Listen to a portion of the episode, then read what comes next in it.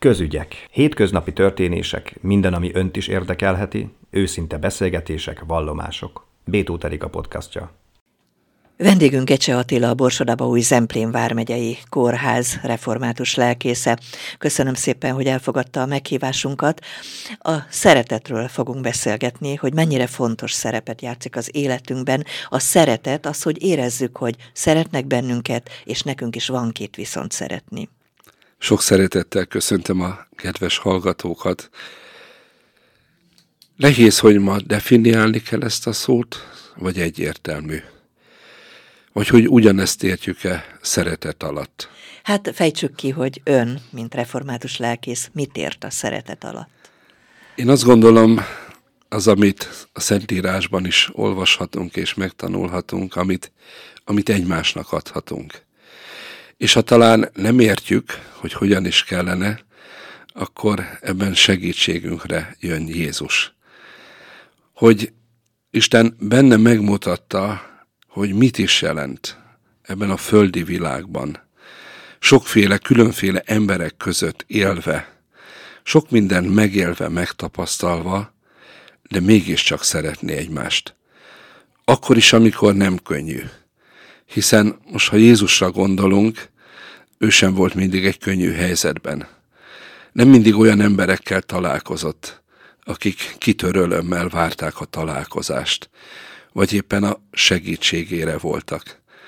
De hát nem felejthetjük el a szeretet himnuszának a legvégét, hogy a legnagyobb dolog a szeretet. Sőt, ha néhány versel visszább megyek, akkor a szeretet, ami soha el nem múlik.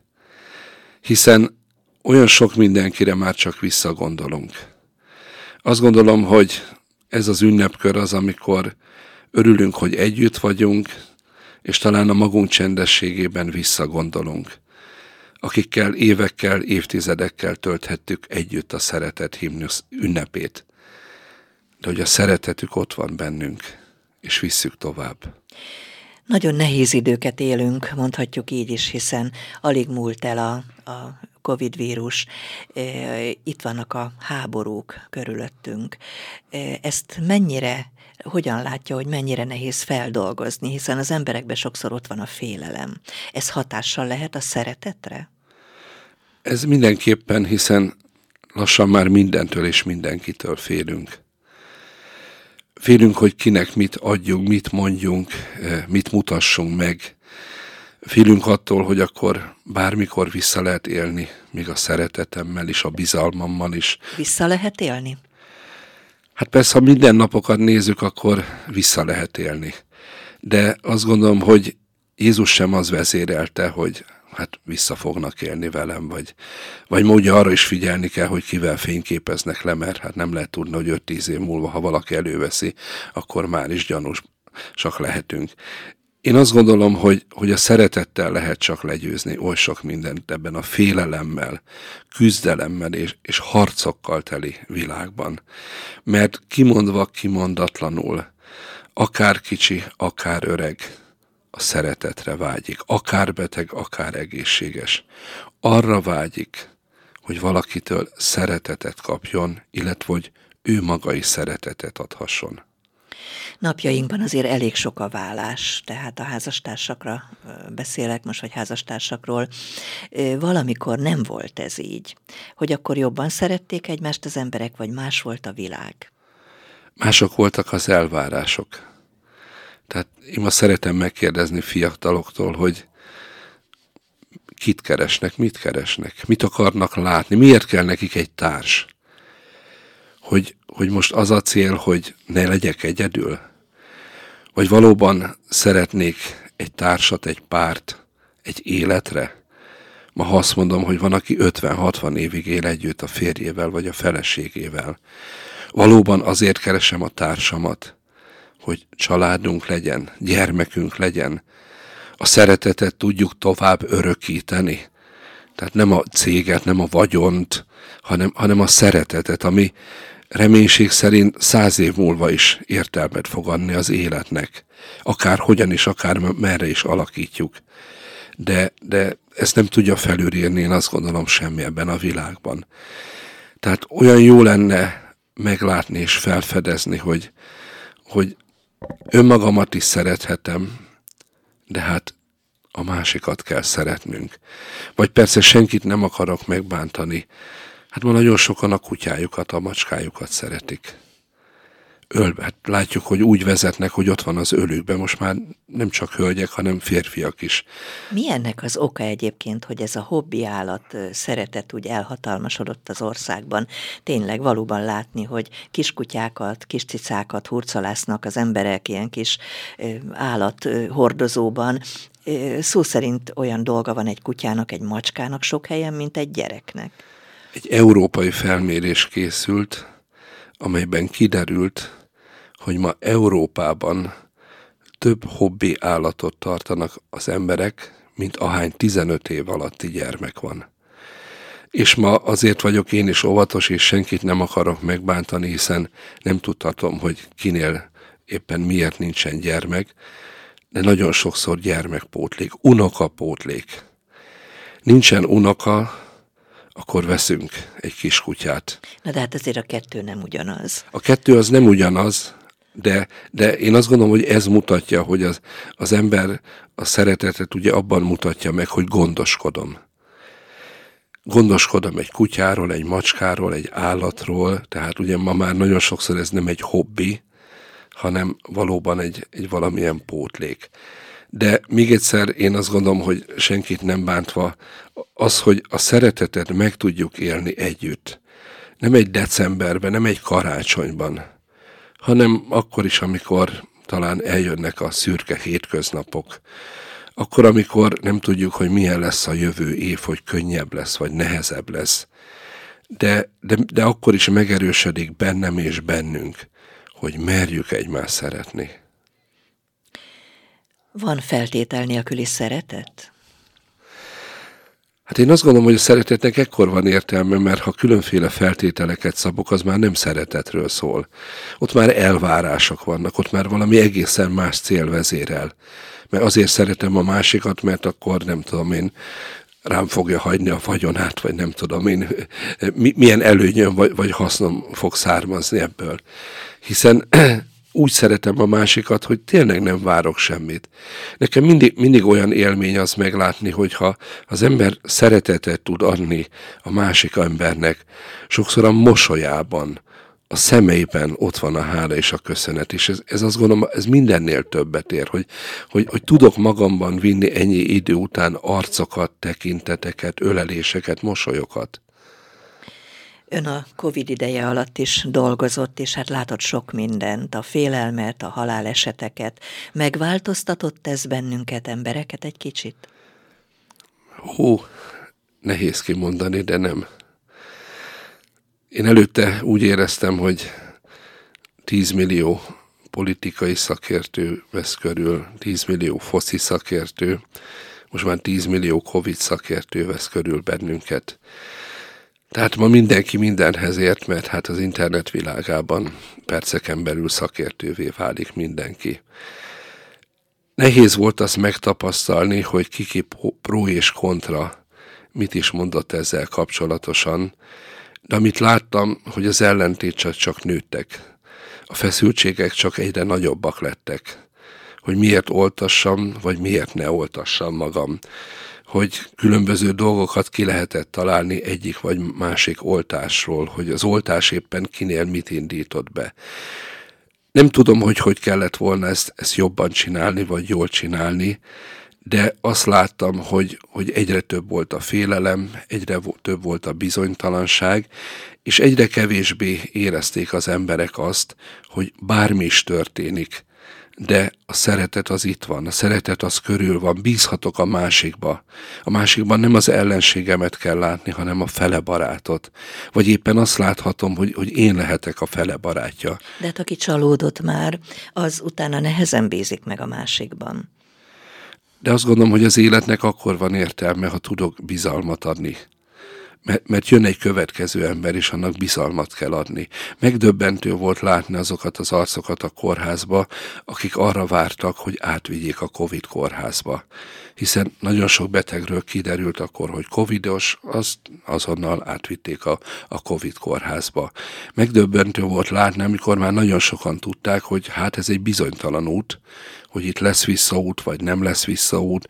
Ugye amikor már nagyon sokan tudták, hogy nincs látogatási idő, ott nem, nem úgy fog történni a látogatás, hogy majd tudom, hogy négy órakor, ötkor vagy hatkor fognak jönni a hozzátartozók, hanem sokszor csak egy, egy telefon maradt. Én azt gondolom, hogy ez az idő hozhatta volna el, vagy hozhatja el ez a mai idő és azt a tanulságot, hogy addig szeressünk, amíg szerethetünk. Mert ma senki sem tud olyan életbiztosítást kötni, amely garantálja, hogy 80-90 évesen párnál között fog meghalni. Ha valóban én azt nézem, hogy hányaknak nem lett módja az elköszönésre, az elbúcsúzásra, nem volt mód még egyet beszélgetni, és úgy elválni. Mekkora hiányt ébreszt ez egy emberbe az itt maradóban? Bepótolhatatlan. Tehát ugye ebben az a nehéz, hogy, hogy sose felejtem el azt a hozzátartozót, aki csak annyit próbált kérni az orvostól, hogy öt percre hozza vissza.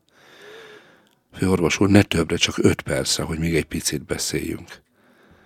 De hát nem vagyunk Istenek. Mondanám, amit én magam is hosszú ideje próbálok tudatosan megélni, hogy lecsendesedni, lelassítani, merni időben hazaérni, nem hazaesni, nem beesni, hanem akár úgy hazaérkezni, hogy, hogy tudom várni a szeretteimet, vagy tudok készülni már a hazafelé vezető úton, hogy jó lesz otthon lenni, jó lesz együtt vacsorázni, jó lesz egy kicsit együtt beszélgetni.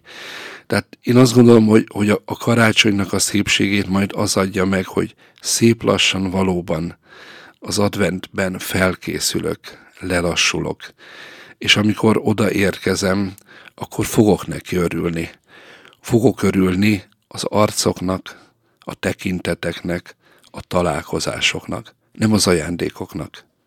Igen, ez lett volna a másik kérdésem, hogy kicsit, hogy is mondjam, a múlthoz képest megváltozott az ajándékozási szokás is, hiszen a minél drágább, minél több ajándék, és, és valahogy olyan lélektelenné válik az ajándékozás. Ezt hogy látja? Igen, hát persze súlykolja minden, hogy, hogy még, még, tehát nem az elég. De reklám, igen. Tehát ne, nem, az, nem arról szól, hogy elég, hanem még. De hogy ajánljak valamit? Szerintem a karácsonyban, az adventben nagyon szép pillanat az, amikor előveszünk régi fényképeket.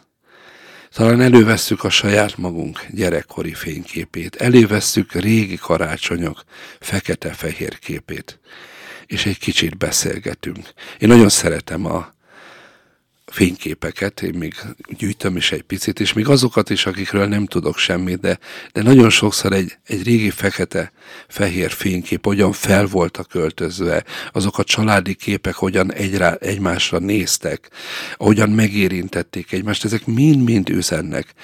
Én azt gondolom, hogy, hogy akkor, amikor én, a gyermekem, a házastársam, megnézzük, hogy milyen is volt az életünk 10, 20, 30, 50 évvel ezelőtt, akkor nagy csodáknak a megismerői és felfedezői leszünk. És talán ezek segítenek abban, hogy ne a tárgyakban higgyük el, hogy szeretetet lehet adni, hanem az érintésben, a tekintetben és az ölelésben. Igen, egy ö, nagy pszichológusunk azt mondta, hogy nyolc ölelés kellene egy nap a szeretteinktől, mert hogy ez meghosszabbítja az életünket, illetve a lelkünket boldogabbá teszi. És ez biztos, mert hogy az öregektől ezt látom. Tehát amikor öregek bizonyítják számomra nagyon sokszor azt, hogy 10-20-30 éve élnek egy súlyos betegségben, és élnek, ami sokszor egy fiatal sajnos nagyon hamar elvisz. De, de az, hogy, hogy megölelhetem, szerethetem, és az, hogy szeretve vagyok, a legnagyobb ajándék és a legnagyobb gyógyulás. Ön hogyan látja, mint református lelkész, hogy járunk templomba? Járnak az emberek? Többen vagy kevesebben, mint a múltban? Hát ugye nehezen tudom elmondani, hogy ez országos szinten, de, de általában ugye minden arról szól, hogy kevesebben. Tehát nagyon szomorú azt látni, hogy, hogy feladjuk hitünket. Tehát miközben mindenre figyelünk, a közben éppen elfelejtjük azt, hogy spirituális emberek vagyunk. Nekem mindig nagyon nehéz az, hogy sokan elfelejtik, hogy a, a karácsony az egy hitbeli, spirituális ünnep. Tehát az nem egy történelmi esemény, vagy hát egy történelmi esemény persze Jézus születésére tekinteni, de hogy, hogy ez, ez mind lelkileg ajándékozhat meg bennünket. Bárcsak felismernénk azt, hogy, hogy vannak olyan népek, népcsoportok, akikkel kevésbé szimpatizálunk, de hogy azoknak mennyire fontos a hit. Hogy, hogy van, aki először azt kéri, hogy legyen neki helye imádkozni, és legyen megteremtve bárhova érkezik is meg, hogy ő nap bármely időszakában ő imádkozhasson. Hát de gondolom az ilyen nagyon erős hitet gyerekkortól bele kell nevelni egy emberbe. Abból lesz az, amiben ma vagyunk. Tehát én azt gondolom, hogy abban kellene egymás segíteni. És ebben nem csak a különféle egyházak, lelkészek, papok, hanem akik magukat keresztények vallják, hogy ezt az alapot ne tüntesd el az életedből. Mert ez az alap, amely segít téged abban, hogy valóban tudjál szeretni, ez az alap, amire fel tudod építeni az életet egy bizonytalan korban és bizonytalan világban. Na de hát ez csak gyerekkorban is jó tanítani a gyerekkel, nem? Kiskorban, hittanon, nem tudom. Hát a legjobb lenne, ha ezt a gyerek családban látná meg. Tehát a legjobb lenne az, amit, amit sokan elmondtak, hogy a szülőkkel, a nagyszülőkkel elmentek a templomba. Elmentek vasárnap, elmentek karácsonykor, elmentek az élet különböző pillanataiban. Aztán látszik, hogy vannak, akik felnőttként döbbennek erre rá, amit nem olyan régen egy fiatal értelmiségi hölgy mondott el, aki amikor megismertem, ugye hát ő ő ateista, meg minden ilyennel kapcsolatosat kifejtett, és aztán ahogyan mondta, hogy a mindennapokban tapasztalta meg, hogy hát mégiscsak kell, hogy legyen valaki felettünk, és hogy kezdett kinyílni, hogy ne csak a világot lássa, hanem merjen felfelé is nézni. Sokan egy-egy tragédia, egy-egy haláleset, egy szeretteinek az elvesztése után kezd megtérni egy, egy hitre, egy vallásra fontos, szóval hit nélkül nem lehet élni, olyan könnyen kimondjuk ezt, és közben nem gyakoroljuk. Tehát hiszünk azokban a dolgokban, amikről pedig nap mint nap kiderül, hogy egy lufi, egy megfoghatatlan. Tehát azt gondolom, hogy, hogy tényleg azt felfedezni, hogy, hogy a teremtés történetben mi kaptuk az Isten lelkét. Tehát mi spirituális lények vagyunk és bárcsak felfedeznénk e- ezt, hogy, hogy igen, foglalkoznom kell a lelkemmel, a másik lelkével, és ebben egy nagyon fontos pont a szeretet. Mert Isten úgy szerette ezt a világot, hogy egyszülött fiát adta. Ebben mutatta meg, és mi is abban mutathatjuk meg a szeretetünket, ahogyan odaérkezünk és megérkezünk. Karácsony estén, amikor a karácsonyfán ugye kigyulladnak a fények, a gyertyák, vagy az égők, nevezzük, aminek kiki bármit tesz is a fenyőfájára. Ebben a gyertyafényben látjuk egymás szemében a szeretetet, továbbítjuk, továbbadjuk, hiszen a gyerekeinknek mindezt továbbadjuk. A végtelenségig fennmarad majd a szeretet, hogy gondolja, mivel mondta, hogy spirituális lények vagyunk. Én azt gondolom, hogy ez az utolsó pillanatig ott lesz és meg lesz. És ez az utolsó pillanatig fontos, hiszen nagyon sokszor a beteg ágy mellett, amikor nincs kommunikáció, akkor a beteg az érintésével, az, hogy megszorítja a kezünket, fejezi ki a szeretetét. Hogy míg mi beszélünk és tudunk beszélni, de talán ő már nem, ő ebben is megmutatja szeretetét és háláját. Karácsonykor sok beteget nem tudnak hazaengedni az állapota miatt. Szokott önkórtermekbe menni, hívják? Sajnos ritkán hívnak, de tőlem telhetően, akikhez tudok, azokhoz elmegyek, és akik tényleg igénylik, hogy, hogy akár mint a lelkész az ünnepben megjelenjek, akkor mindig örömmel megyek, és ott vagyok. Mit kívánjak karácsony estéjére egy református lelkésznek? Találkozásokat, boldog örömteli pillanatokat, és természetesen szeretetet. Köszönöm szépen Gecse Attilának, a Borsodaba új Zemplén vármegyei kórház református lelkészének, hogy itt volt velünk, és hát boldog karácsonyt kívánunk. Köszönöm szépen.